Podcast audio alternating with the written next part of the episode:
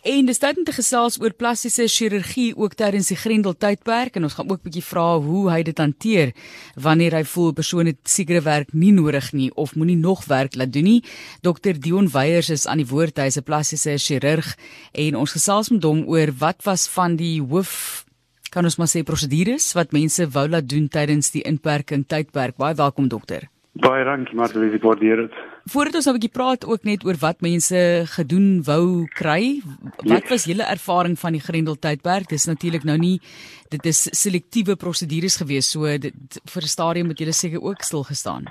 Dis reg en die jy weet die eerste uh, fases weer van dat die Grendel tydperk uh, amper die beperkings verlig was, ehm um, soos uh, jou jou vlak 4 en jou vlak 3 kon ons al weer elektiewe gevalle begin doen. Kyk in daardie tydperk het ek noodgevalle gedoen en daar was nogal heelwat um, hondbuite met kinders wat meer by die huis was en dan eh uh, um, maar ongelukke en voorvalle wat by die huis gebeur het waar kinders dalk uh, jy weet in uh, van van die speelrame afgeval het en die van dinge. Maar ja, daarna het ons weer geleidelik begin met die elektiewe gevalle en uh, en dit was meer om ook die bietjie van die as ek dit sou kan sê backlog te adresseer van van pasiënte wat miskien hulle velkankertjies gehad het wat nie te ernstig was nie nou nie melanoom nie wat ons weer aangespreek het en toe geleidelik van vlak 3 af weer geleidelik kosmetiese elektiewe gevalle weer begin um, hervat en doen dit. So, As ons 'n bietjie kyk ook na wat mense graag wou laat doen in die tydperk, so jammer dat ek dit nou ja. so stel en ek weet jy het 'n paar bekende name ook wat al onder jou hande deur is in Johannesburg en in Kaapstad meer spesifiek en as ek kyk na een van die van die prosedures wat mense laat doen en dink ek sommer ook aan bekendes soos Kim Kardashian en Jennifer Lopez, die mense wat eintlik baie van hierdie werk inspireer. Ja, yes, dis reg. Ja, natuurlik het sosiale media 'n groot impak op um, op op dit wat ons doen en veral van 'n uh jy weet van 'n kosmetiese oogpunt. Ehm um, en baie baie jy weet in, in die uh in, met die beperkings uh waar baie van die individue of mense nou nie meer so gereedelik weer kon ehm um, na die ehm um, gym toe gaan nie en hulle begin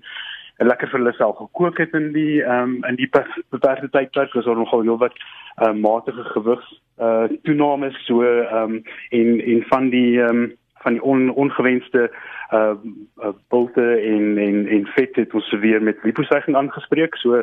daar's hierdie konsep van lockdown lipo um waar waar uh um waar waar ons baie nogal heel wat liposuiging nou um, of versoeke vir liposuiging gekry het. En die ander was um, met die toename in um, in jou virtuele um um uh, vergaderings soos jou Zoom um tipe van uh meetings en so het daar ook 'n dit was daar 'n toename in in heelwat gesigsprosedures. Ehm um, en uh, natuurlik kan mens dit ook in hierdie tydperk 'n klein bietjie meer beter hanteer deur om by die huis te wees waar hulle waar hulle ehm um, beter kon ehm um, herstel het sonder dat hulle nou by uh, jy weet kantoorgebonde moes wees. En um, en daar was ook 'n studie wat gewys het dat daar ook internasionale toename was in gesigsprosedures uh juis omdat mense meer van hulle gesigte eintlik op 'n gereelde basis uh, as ek dit so kan stel sien met die Zoom tipe van meetings en vergaderings en ehm um, en en dan versoek dit op uh, op uh, nie net uh, minimaal invasief nie maar ook uh, toename in in um, in jou tipe van facelift uh, prosedures. Goed, die een ding wat ook nou nogal vir my belangrik is is daardie soos jy sê die bestuur van onsekerhede binne 'n persoon self en is dit maar 'n paar keer elke nou en dan kom sit daar 'n pasiënt voor jou of 'n kliënt en sê luister ek wil nou dit laat doen en jy dink by jouself waar in ewigheid het jy dit nou nodig? Uh, doen jy maar net blindelings wat hulle voorvra of moet jy dit ook bestuur op 'n manier natuurlik Nee, um, ons bestuur dit uh, wel, ek bestuur dit by, by my praktyk deur op die die vraelys wat wat hulle invul, ehm um, voordat ek hulle spreek, ehm um,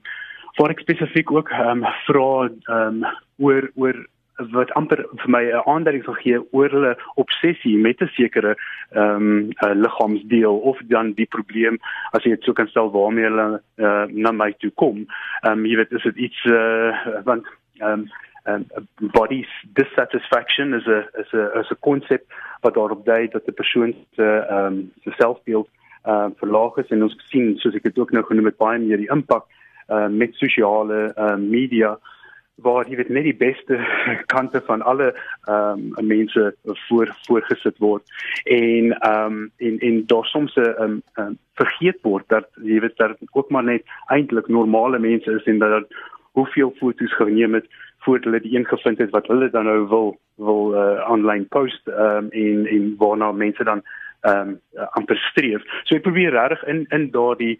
vraelys um, daarop alreeds um, agslaan uh, om 'n idee te kry van van wat hulle um, preokkupasie of dan um, met met die uh, probleem is. En dan met die konsultasie ook probeer ek 'n goeie idee kry om te sien hoe impakteer dit hulle um, hulle lewenswyse. Jy weet uh, die ek baie van hierdie body dissatisfaction lady net na 'n uh, soeke na 'n plastiese chirurg toe nie maar ook na um, na uh um eetabnormaliteite uh, van bulimie en anoreksia of dan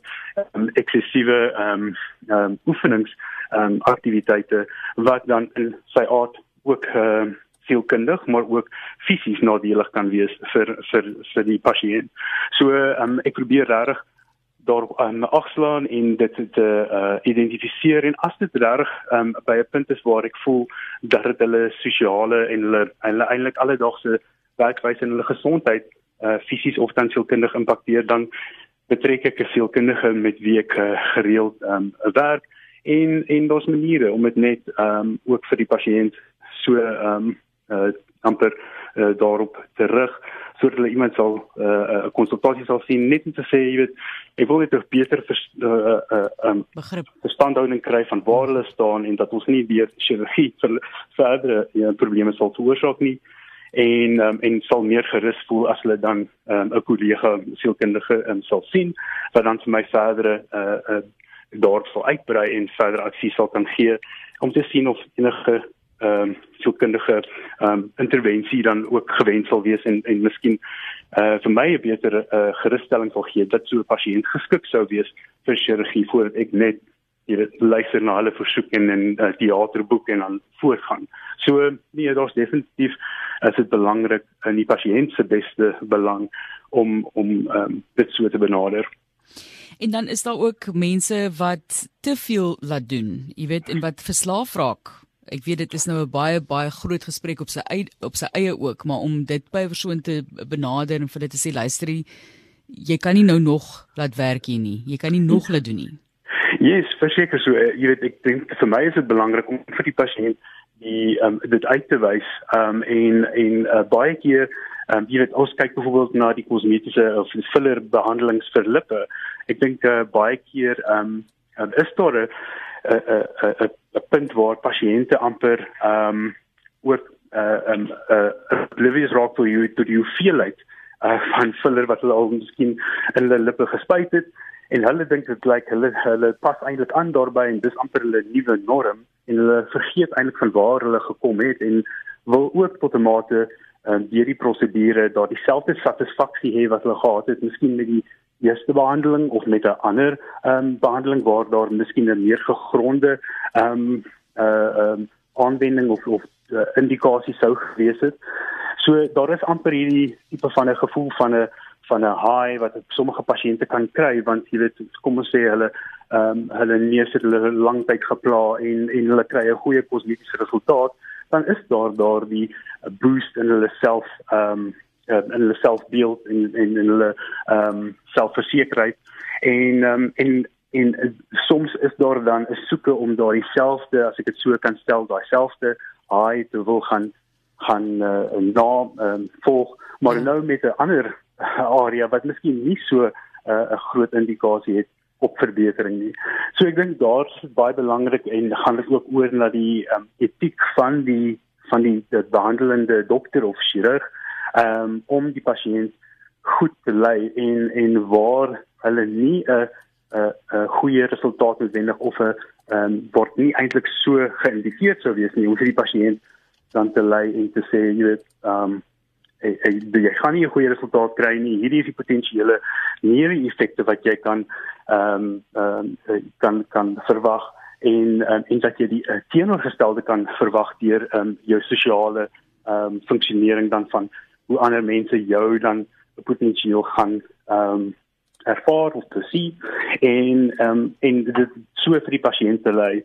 As 'n pasiënt dan nog steeds daarop aandring, jy weet, dan is dit ongelukkig nie in my hande nie. Ek sal weet dit waar ek eties voel ek nie 'n verbetering kry nie, sal die pasiënt teen alle koste dan afraai, maar as hulle baie keer vind ons dat die pasiënt dan na 'n ander chirurg of 'n dokter toe gaan wat wel die prosedure dan doen.